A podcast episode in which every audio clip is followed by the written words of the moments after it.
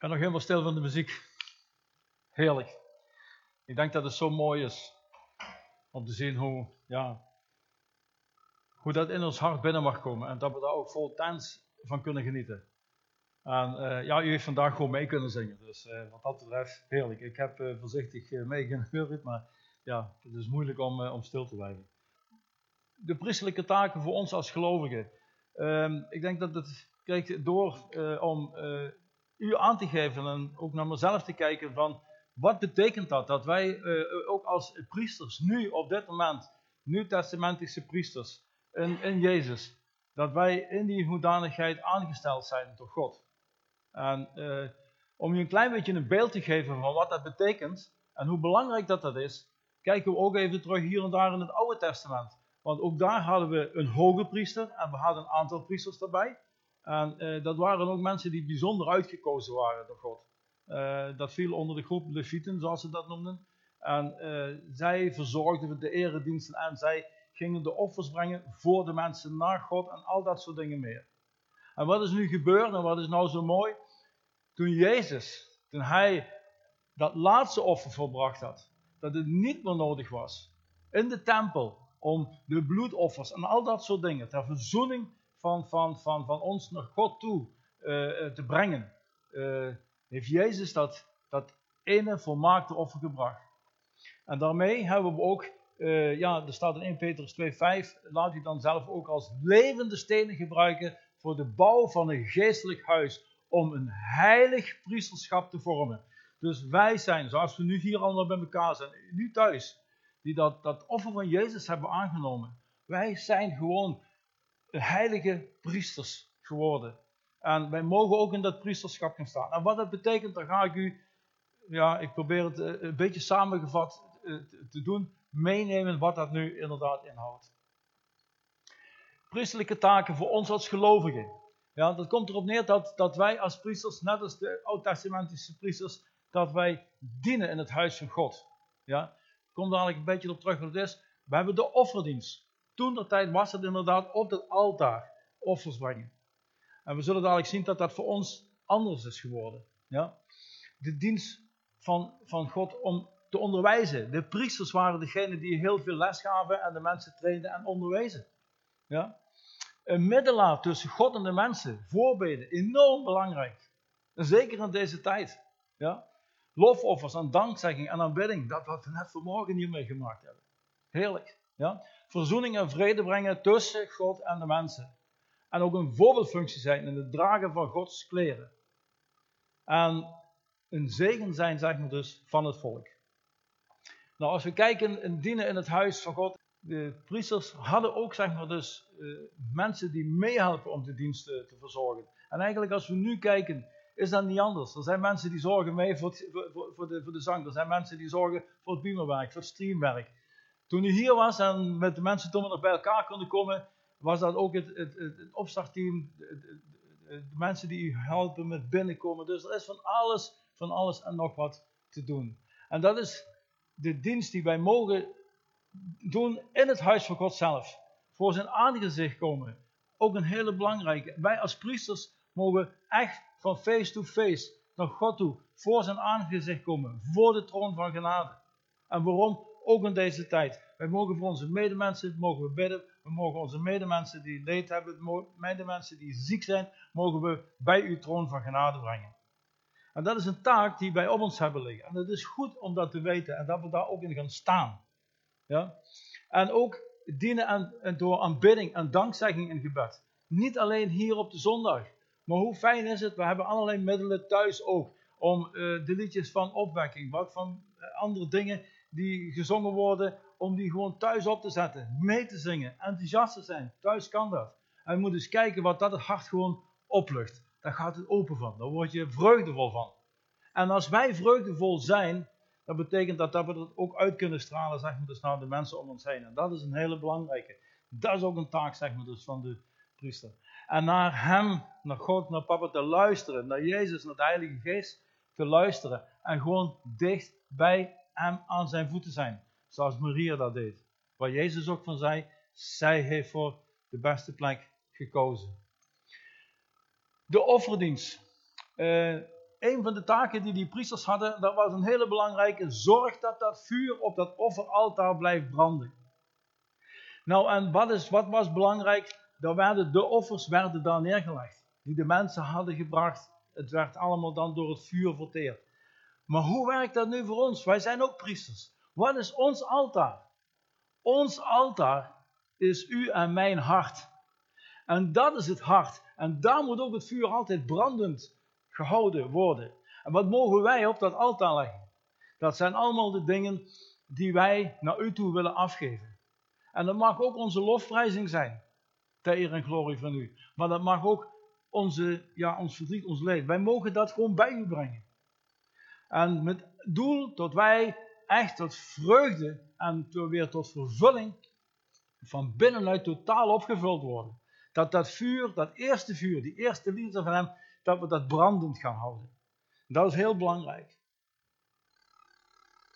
Het is zo dat uh, in, het, in, het, Nieuwe Testament zien we dan ook dat dat volkomen offer door Jezus is volbracht. Maar uh, een van de dingen die wij dan mogen brengen, dat is als priesters, als offers, dat staat in Romeinen vers 12, hoofdstuk 12, vers 1. Dat is ons lichaam. Dat wij ons lichaam als een welgesteld offer mogen geven. En sommige mensen denken, oei, gaat dat net als dat Jezus, dan moet ik dan pijn gaan lijden, moet ik dan aan het kruis? Nee, dat verlangt hij niet van ons. Maar wat hij wel van ons verlangt, dat wij ons lichaam, naar onze medemensen, naar onze omgeving, gewoon geven, geven. En wat wij kunnen geven is het kostbaarste wat wij van Jezus gekregen hebben van Vader. Dat is onze vrije tijd. Want weet u hoe kostbaar die vrije tijd is? Die is met geen geld te betalen. De minuut die we net in het verleden hadden, die is nu al weg. Die komt niet meer terug. Dus het kostbaarste wat we kunnen geven, dat is zeker onze, onze vrije tijd. Ook de handen, onze voeten, onze mond, om te mogen spreken, te mogen helpen. Mensen in onze gemeente en buiten onze gemeente die hulp nodig hebben, om die gewoon hulp te geven. Nou, dan, dat is dat weldadigheid, goede werken, barmachtigheid. En dan de dienst van voorbeden, zoals je in de Romeinen staat. Het is heel belangrijk dat vooral nu in deze tijd, u moet weten dat u als priester kracht heeft gekregen. En dat had ook in het Oude Testament die priesters. Die gingen voor de mensen. Die brachten alles voor de troon, zeg maar dus, van, van, van God. In de tempel. Maar nu is die tempel daar niet meer. Jezus, God en de Heilige Geest in, is in ons hart. En wij mogen al, zeg maar, dus vanuit ons hart, naar de troon van genade van papa, mogen wij brengen dat wat we willen brengen. En dat heeft ook mee te maken dat we kijken naar onze medemensen.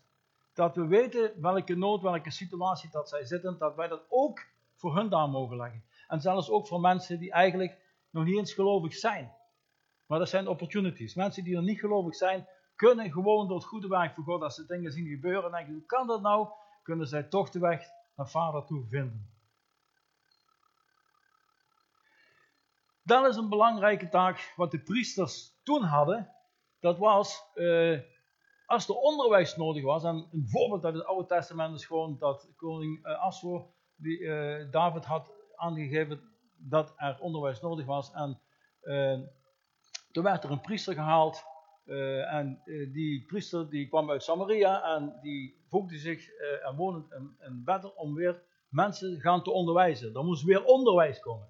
Nou, en hoe belangrijk is het dan dat wij, zoals wij hier zijn en u thuis, ja, vanuit de gemeente, datgene wat we tot nu toe geleerd hebben, als we dat pakken, datgene wat we hebben, dat we dat ook weer uit kunnen delen en anderen kunnen leren. Er zijn mensen die flinke opleidingen hebben gehad, theologie hebben gestudeerd, eh, de Bijbel van binnen naar buiten kennen. Nou, zover ben ik lang nog zeker niet. Maar ik heb één ding doorgekregen van de Heer. Martin, datgene wat, wat je weet, datgene wat je hebt, kun je al uitdelen. En daar wil ik ook u mee uitdagen. Om datgene wat u weet en wat u al kent, om dat uit te delen. Want er zijn heel veel mensen die weten nog maar heel weinig. En het is ook belangrijk dat wij als priesters aangeven hoe kunnen we bidden. En hoe kunnen we prediken? Enzovoort, noem maar. Dus alles wat daarmee te maken heeft. En we hoeven het niet allemaal zelf opnieuw uit te vinden. We hebben voorbeelden genoeg, zeker in onze eigen gemeente. En ik ben er trots op dat we getalenteerde sprekers hebben in onze gemeente, horen enthousiast doorvertellen. Want ik weet zeker, ik kan gewoon een voorbeeld opnemen als, als iemand enthousiast is ergens over gaat die vertellen. Praktisch voorbeeldje valt me zo binnen. Dat is van, uh, Rijn gaat mij vertellen, goh Martin, ik heb een, op mijn auto heb ik een paar prachtige nieuwe banden, heel fijn profiel, schitterende dingen. En voor een prijsje jongen, mm, om te zoenen, nou daar is je enthousiast over. En dan zeg je maar één ding, goh Rijn, vertel me, waar heb je die gehaald? Dat heb ik ook nodig, zowat. Ja? En dat is hetgeen wat wij dan ook kunnen doen. Dat is een stukje prediking, dat is het uitdragen, dat is gewoon enthousiast zijn. Vanuit ons priesterschap. We hebben dat meegekregen, dus we moeten dat ook gebruiken. Ja, dan een middelaar tussen God en de mensen. Voorbeden. Daar staat in het Oude Testament, laat priesters, de dienaar des Heers, tussen de voorraad en het altaar wenen en zeggen, spaar Heere uw volk. Dus daar was het nog dat ze in, in die voorhal, ze jammerden, om het maar zo te zeggen, en ze weenden gewoon eigenlijk voor de andere mensen. Ja? Om deze mensen gewoon bij de troon van genade van de Heer te brengen. Wij als priesters, en dat is een hele belangrijke, en dan kijk ik even zeg maar dus naar de vaders en de moeders die de gezinnen leiden. Ja, wij zijn verantwoordelijk voor ons gezin, onze buurt, onze gemeente. En God roept ons, jou en mij, gewoon om die voorbeelden te doen. En dat betekent ook vooral als we kijken naar onze familieleden. We hebben ze allemaal, en ook wij, dat we weten van, oh, oh, er zijn nog mensen bij ons in de familie die eigenlijk nog niet die liefde van Jezus hebben leren kennen, die er nog niet mee zo geconfronteerd zijn, die dat nog niet kunnen vatten, die nog geen aanraking hebben gehad. Maar wat zit er diep in het verlangen in ons hart om toch die mensen erbij te kunnen betrekken? Omdat wij weten, u weet, ik weet waar wij straks naartoe gaan. Maar die mensen weten dat nog niet. En daarvoor kunnen we daar al op, de bres springen en ook daar voorbeden voor doen en daarvoor bidden. En vaders en moeders die kinderen hebben. Het is zo, zo, zo belangrijk dat u zeker de dag en vandaag bid voor je kinderen voordat ze naar school toe gaan. Want er gebeurt van alles. Dat ze beschermd zullen zijn. Wij mogen bidden en voorbeden doen dat de beschermende engelenmacht elk moment om hen heen. En ook om onszelf. We mogen dat vragen. Ja? En dan in 1 Timotheus 2.1 staat er, ik vermaan u dan allereerst smeken, gebeden, voorbeden en dankzegging te doen voor alle mensen. Eigenlijk had ik dat vet moeten onderstrepen, voor alle mensen. Een tweede is ehm, dat iemand die voorbeden doet, bidt ten gunste van iemand anders. Dus nooit tegen iemand anders, altijd ten gunste voor iemand anders. Ja? Ondanks de zonde van deze persoon staat u, hij, jij of ik toch voor hem op de bres. Want ik gaf u al aan, als Gods liefde over iemand heen komt, de persoon in kwestie gaat dat merken. En dan zal de Heilige Geest ons leiden, dat samenbrengen, zodat we dan ook over die liefde van Vader en de liefde van Jezus kunnen spreken en kunnen vertellen. En voorbeden is zich tussen God en een persoon en een natie en een volk te plaatsen om te pleiten voor verzoening en herstel. Vooral dat woordje verzoening. We kunnen zeggen, ja, we horen zo vaak van als je gesproken hebt, het is vergeven. Ja, ik heb het vergeven. Maar is het echt een verzoening geweest? Is het echt weer elkaar omarmen en zeggen, we kunnen met elkaar weer door één deur, we kunnen weer verder. Nee, vaak is het van, ja, ik heb je vergeven, maar u, gaat ze weg en ik ga maar weg. Nee, verzoening betekent echt, zoals daar ook in dat plaatje ziet, je huilt bij elkaar uit, je pakt elkaar en je hebt elkaar lief en je zegt, come on, we pakken op, we kijken daar waar we elkaar verloren zijn en we gaan weer verder. En dan met Jezus, met de Heilige Geest, met zijn kracht. Dat is echte verzoening. En dat is precies wat Jezus doet voor ons in de hemel. Wat doet hij? Hij is onze hoge priester. Hij bidt daar onophoudelijk en pleit voor ons. Constant, continu. Moeilijk te vatten, maar ik weet gewoon dat het zo is. En ik ga niet proberen dat helemaal ja, te, te moeten begrijpen. Ik weet gewoon dat ik weet wat ik weet dat Jezus daar aan het pleiten is voor u en voor mij. En dat ik erop kan vertrouwen als ik in moeilijke situaties zit, dat ik het niet zelf hoef te doen, dat Hij voor mij pleit. En daar kan ik op vertrouwen. En daar ben ik heel, heel, heel blij mee. Lofoffers, dankzegging en aanbidding. Als priesters zijn we geroepen om lofoffers te brengen. En deze zijn vreugde voor God. lofoffers, wordt vaak makkelijk gezegd.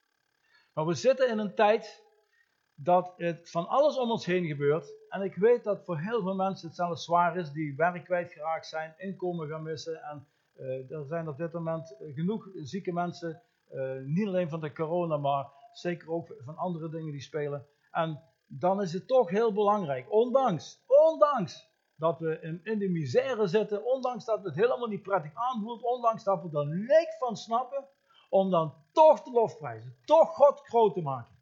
En het mooiste voorbeeld is altijd, vind ik, dat heeft me zeer aangesproken, dat is Paulus en Sidian, die dan in die kerker zitten. Wij zijn zelf in, in, Israël geweest, Annemarie en ik, en we hebben zo'n beetje gezien hoe dat uit kan zien. En die kerker die lag echt onderaan de berg van de stad. Nou, en dat hadden ze heel gemeen gedaan, want alle rotzooi en alle troep kwam daar doorheen. Dus die mensen die zaten daar echt in de prut en de rotzooi. Maar ondanks dat, zij maakten de naam van God groot. En toen gebeurde gewoon dat wonder. Dat de kettingen losschoten en er gebeurde er van alles. Dus zij zijn niet de hemel gaan roepen, ze hebben gewoon gezongen en, en God groot gemaakt. En toen daalde God af. Toen kwam de hemel naar hun toe. En dat is ook hetgeen wat wij moeten doen op het moment dat het moeilijk is. Kijk naar boven, kijk naar God, kijk naar Jezus, daar waar de hulp vandaan komt. En dan hebben we het ook nog over de, de, de, de geestelijke uh, offers brengen. Nou, er wordt ook al gezegd, ja, wat zijn de geestelijke offers nou? Nou, dat betekent geestelijke offers dat ik met mijn geest en met mijn verstand een duidelijke vrijwillige keuze maak dat Jezus mijn Heer is en dat God mijn Vader is en dat ik een kind van Hem ben. Nou, en eigenlijk wat ik nu wil zeggen, op het moment dat we die geestelijke offers gaan brengen en we beginnen dat te proclameren, vooral in deze tijd als het lastig en moeilijk is, dan zult u zien dat u, dat u toch verlichting vindt. Dan zult u toch merken dat u niet alleen ervoor staat, dat God bij u is. En al voelt dat af en toe niet zo op dat moment, maar hij is er toch. En dat mag je rustig van mij aannemen. Ja? En dankzegging brengen aan God is een priesterlijke dienst. En daarvoor dan op de eerste slide hebben we dat gezien. Het is uitgeroepen, ja, wij zijn priesters van hem. Nu in zijn koninkrijk, hier en ook hier. En wij mogen dan ons dan ook gaan staan in de kracht van priesterschap. Verzoening brengen. En tussen de mens, tussen God en de mensen. Ook weer een voorbeeldje. Ik heb dan een plaatje bijgezet. Uh, koning Hiskia die ruimt alle uh, rommel op, zeg maar, dus van koning Agag, die of Asag. Die had er in die tijd best wel een rommeltje van gemaakt. En ja, voordat we weer iets meer nieuws konden beginnen, en Hiskia wilde ook alles, zeg maar, dus weer gaan herstellen, moest eerst de oude rotsie eruit. Er moest opgeruimd worden. Nou, en ook wij mogen, zeg maar, dus meehelpen om mens, voor mensen te bidden. En daar waar het kan, ook weer meehelpen dat de wegen vrijgemaakt worden, dat mensen zeg maar dus weer een nieuwe, een nieuwe start kunnen maken. En dat is een hele belangrijke nog. Soms denken we, ah ja, goed, je hebt het gezien, bekijk het maar, uh, zoek het maar uit. Nee, als, zeker als ons ook hulp gevraagd wordt om dat te doen, we springen daar gewoon mee in. We hebben de priestelijke bediening van verzoening te brengen tussen God en de mensen en onszelf. Juist. En dat heeft ook te maken in onszelf. Dus in ons verleden, ook daar moeten we kijken van, nou, als daar verzoening nodig is, en dan moet opgeruimd worden, doe dat. En eigenlijk alles wat er niet thuis hoort, wat eh, niet goed is en God welgevallig is, gooi dat eruit. En u weet zelf wel wat dat is. En het is een, eh, een, een job waar we dagelijks mee bezig kunnen zijn. Want ik heb ook nog dingen die naar voren toe komen van ik denk, in ene keer gedacht, wat is dit? Dat hoort toch helemaal niet bij mij? Nou, ik maak het krijgsgevangene en ik zeg tegen de Heilige Geest, hop, eruit ermee, uh, ik kik het weg. En uh, dat, ik de volgende keer geen last van heb. En dan denk je dat, dat je er geen last van hebt. En dan ben ik blij dat we een tijdje terug de preek van Tom van der Wal gezien hebben, dat we echt dat mooie, grote, zware houten schild hebben. Dat we die pijlen die op ons afgevuurd worden, dat we die op kunnen vangen. Dat we ons ermee kunnen beschermen. En dat is een continu proces. Dat stopt niet vandaag en dat zal ook niet in de toekomst stoppen. We moeten daarmee gewoon door blijven gaan. Totdat Jezus komt. En dan is alles opgelost. Maar tot die tijd moeten we rekening houden dat, er, dat we steeds ja, aangevallen kunnen worden. En dat er verzoend zal worden en dat we rommeltje op moeten ruimen. God wil ook door onze mond, en of dat nog leuk is niet, maar hij wil in ieder geval ook door onze mond mensen, er staat vermanen, mensen in ieder geval aangeven van joh, Nou, niet zo handig misschien wat je nu doet. En leg dan ook uit waarom en hoe het eventueel anders kan. Ja? En uh,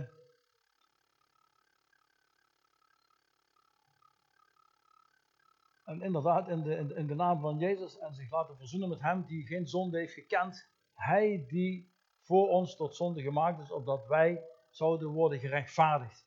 Ik zat even met het woord gerechtvaardigd, dat was ik aan het zoeken. Want het is zo belangrijk dat, dat wij gerechtvaardigd zijn en dat anderen ook gerechtvaardigd gaan worden. En dat kan maar op één manier, doordat ze Jezus leren kennen. Op het moment dat ze Jezus hebben leren kennen, ze hebben dat offer aangenomen. En ik heb het vaker al aangegeven, uh, een keer eerder in een prediking van, nou, wat er ook allemaal fout is en wat we fout hebben gedaan, dus net als in dit leven, dan is er een wet en te hard gereden door het rood in, ja, dat kost je 180 euro, die moet je betalen. Nou, en wat is nou mooi op een gegeven moment dat jij uh, bericht krijgt van, hey, dank u wel dat u de rekening betaald hebt. Huh? Heb ik een rekening betaald? Ik heb helemaal niks betaald. Het zou zomaar kunnen zijn dat een goede vriend die rekening betaald heeft. Want de politie kijkt niet van welke rekening die afkomt, wie dat betaald heeft. Hij kijkt alleen of het betaald is. En dat is een belangrijke, dat Jezus gewoon zeg maar dus een gigantische grote bankrekening heeft en deze dingen alvorens betaald heeft. Gezondheid.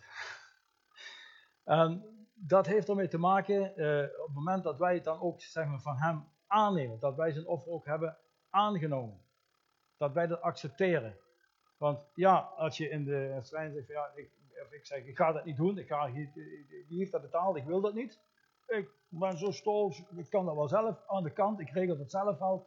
Nou ja, dan heb je dus een probleem. Dus we moeten het ook kunnen pakken, we moeten het ook aan kunnen nemen. En dat is, dat is gewoon een, een, een hele belangrijke. Een voorbeeldfunctie, dragen van godsklederen. We zien daar helemaal bovenaan, ik weet niet of het thuis ook nog goed kunt zien, maar daar staat zo'n priester en die was niet te missen. Als iemand zo in het dorp bij ons rondloopt, dan wordt hij meteen herkend. Ja, dat valt op. Maar dat was in die tijd, in het Oude Testament ook. Ook die kleding, die paletten die hij op zijn borst heeft en op zijn schouders, dat had allemaal een betekenis. Los daarvan, ja. Maar die persoon was duidelijk herkenbaar.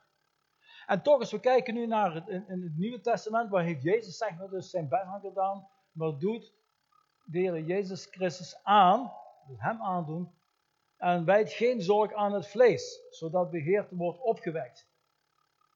Dus hier staat nog een wat. Eigenlijk staat daar gewoon, op het moment dat wij naar buiten gaan, ja, dan moeten we de kleren van Jezus dragen. wat houdt dat in? Als we kijken hoe Jezus was naar zijn uitstraling.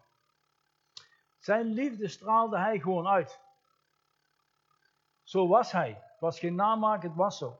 En mensen gaan ook aan u zien en aan mij zien, als wij de liefde uitstralen, of dat gemaakt is, of dat dat zo'n zo, zo, zo gemaakte smile is, of dat dat echt vanuit je hart komt. En dat is hetgeen wat hier ook mee bedoeld wordt, dat wij zeg maar de kleren van Jezus aantrekken. Je ziet dat hij, zoals Jezus is afgebeeld, als herder zijnde. En dat betekent zorgzaam. Waar herkennen wij aan, zeg maar, dus dat wij de kleren van Jezus dragen? Ik had het straks al even genoemd, vanuit het helpcenter. Hoe wij mensen kunnen en mogen helpen. Hoe we daarin dienen, daarin voorzien. Ook voor mensen die niet uh, nog christen zijn. Ik zeg altijd nog niet. Ja? Nou, maar dat kan allemaal komen. Maar daar gaat het om. Daar word je aan erkend. Als je thuis in je omgeving bent en je bent zorgzaam, je, je wilt mensen helpen. Dat wil niet zeggen dat je iedereen van, kan ik niet, mag ik niet, kan ik niet, zus, niet. Gewoon, op het moment dat er hulp nodig is, dat je bereid bent. Dat je al bereid bent. Nou, en dat was ook Jezus, was ten alle tijden bereid. Ondanks dat hij vaak moe was, hij was bereid. En als dan de schare kwam, dan had hij weer de kracht van de Heilige Geest. En zo gaat het ons ook. Wij zullen merken, op het moment dat we moe zijn, of wat dan ook, en we, we worden opgeroepen om de kleren van Jezus aan te hebben, als dat nodig is, zullen we ook de kracht van de Heilige Geest ervaren om de dingen te kunnen doen. Want uit onszelf lukt ons dat niet. En daar vandaan, ik heb het in geel eronder in gezet. Ik hoop dat u het kunt lezen, anders noem ik het gewoon even op. Wat dragen wij met ons mee? Wat zien de mensen aan ons? En dat is vaak zo, wij kunnen heel veel dingen vertellen, maar de mensen kijken naar je. De mensen houden je in de gaten. Vooral als ze weten, ook nog, en dat zeg ik tegen u thuis ook, van u bent, oh dat is iemand die komt ook in de kerk en is in de gemeente van Kom en wordt op je gelet. of je dat wilt of niet, dan wordt op je gelet. Mensen kijken naar je. En dan is het, wat voor beeld straal je uit? Ben je uh, 7 op 7, uh, hoe zeg dat, 24 uur achter elkaar, ben je echt in zijn liefde? Ik heb er ook nog veel in te leren. Maar zolang als ik kan leren, blijf ik leren en gaan we ervoor. Ja? En dan kan het alleen maar beter en beter en beter worden. Zegenen van het volk. Zegen is zo belangrijk. In het Oude Testament, toen stonden de Levitische priesters op en zegenden het volk. En hun stem werd gehoord. Het gebed kwam tot in zijn heilige woning. Tot in de hemel. Staat in 2 Kronieken 30, 27. Ja? Wat is zeg maar dus het Nieuwe Testament? Een van de allergrootste priestertaken is het zegenen van het volk. Dus het zegenen van het volk betekent dat wij een zegen mogen zijn en bidden ook voor onze regering. Kijk wat in de wereld allemaal nu aan de hand is. Laten we daarvoor blijven bidden en blijven zegenen. Ja? We kunnen de mensen en onze kinderen binden door verkeerde negatieve woorden. We kunnen ze ook zegenen en vrijzetten door de woorden van God over ze uit te spreken. De uitgesproken zegen is van een geweldige kracht. En let op vooral het eerste stuk, stuk wat ik las. Pas op wat u uitspreekt.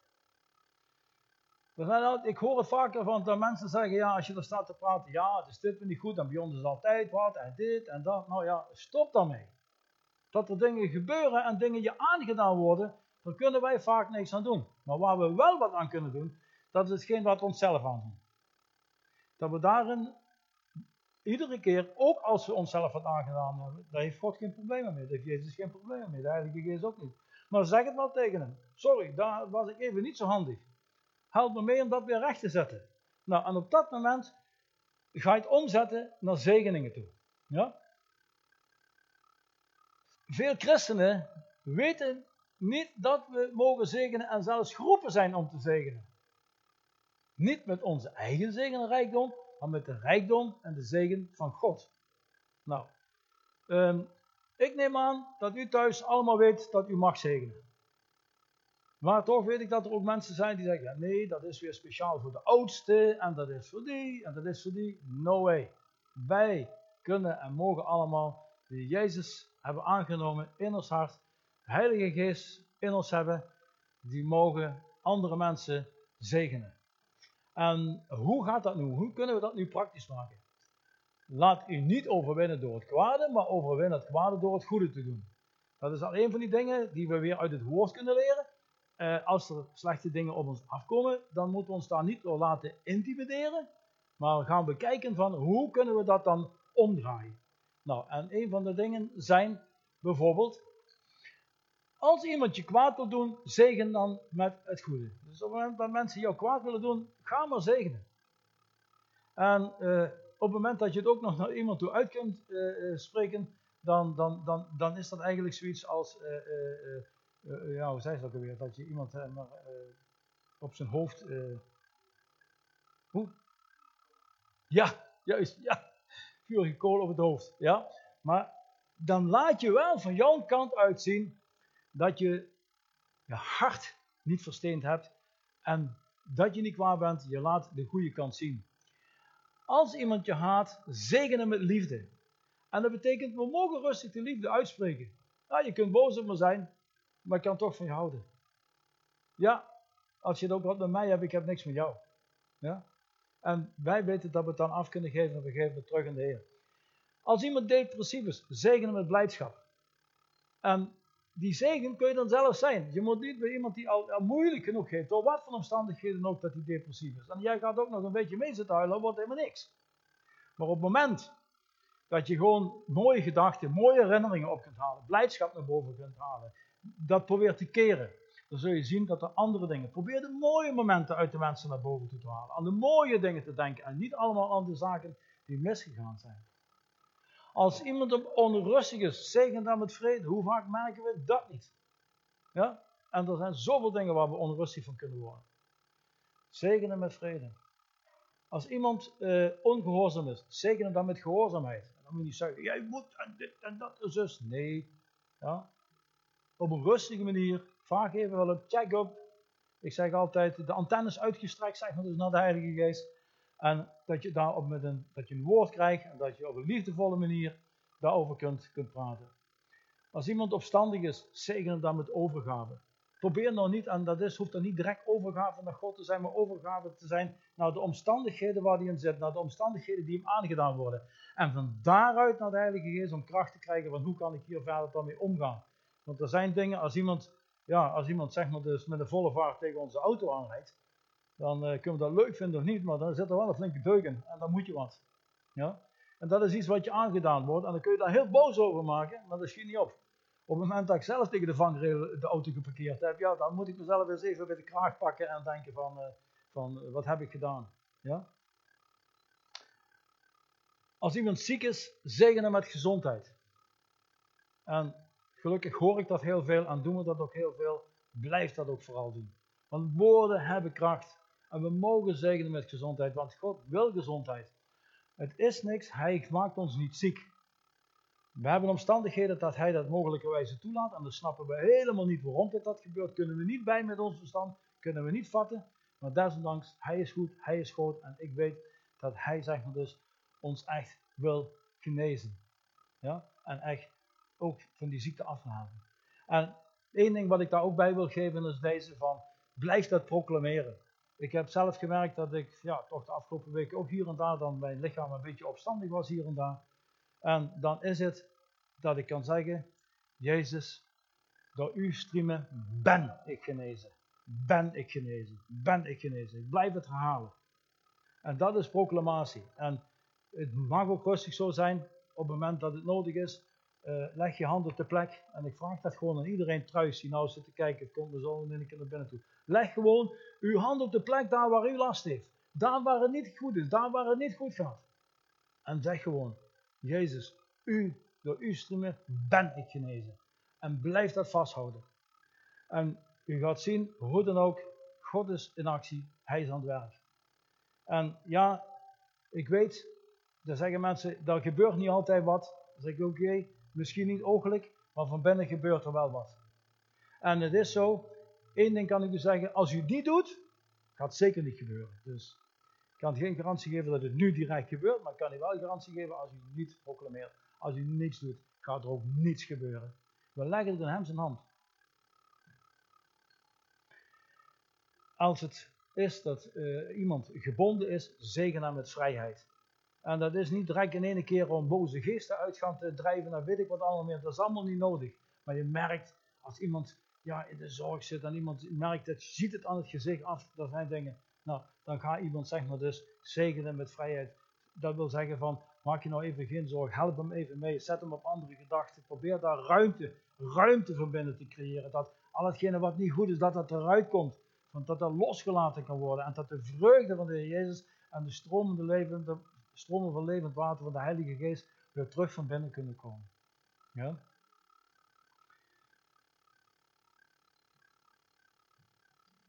En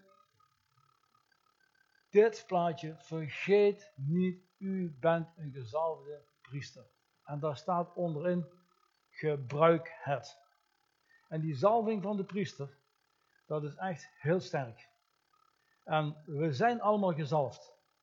En we hebben die kracht, hebben we aan boord. Ik heb wel eens een keer een, met een voorbeeldje aangehaald van, uh, ik probeer dingen altijd even wat praktischer te maken. Uh, je hebt zo'n prachtige, flinke, zware jeep, zo'n vierwiel drive, weet je wel. Oh, maar dan kun je lekker mee door het terrein heen crossen. Dat ding heeft kracht en wat je ook tegenkomt, dat is allemaal geen, geen probleem voor zo'n ding. Maar ik heb wel gemerkt, dat moet je wel weten hoe dat werkt en daar moet je mee oefenen en daar moet je mee bezig zijn om dat te doen.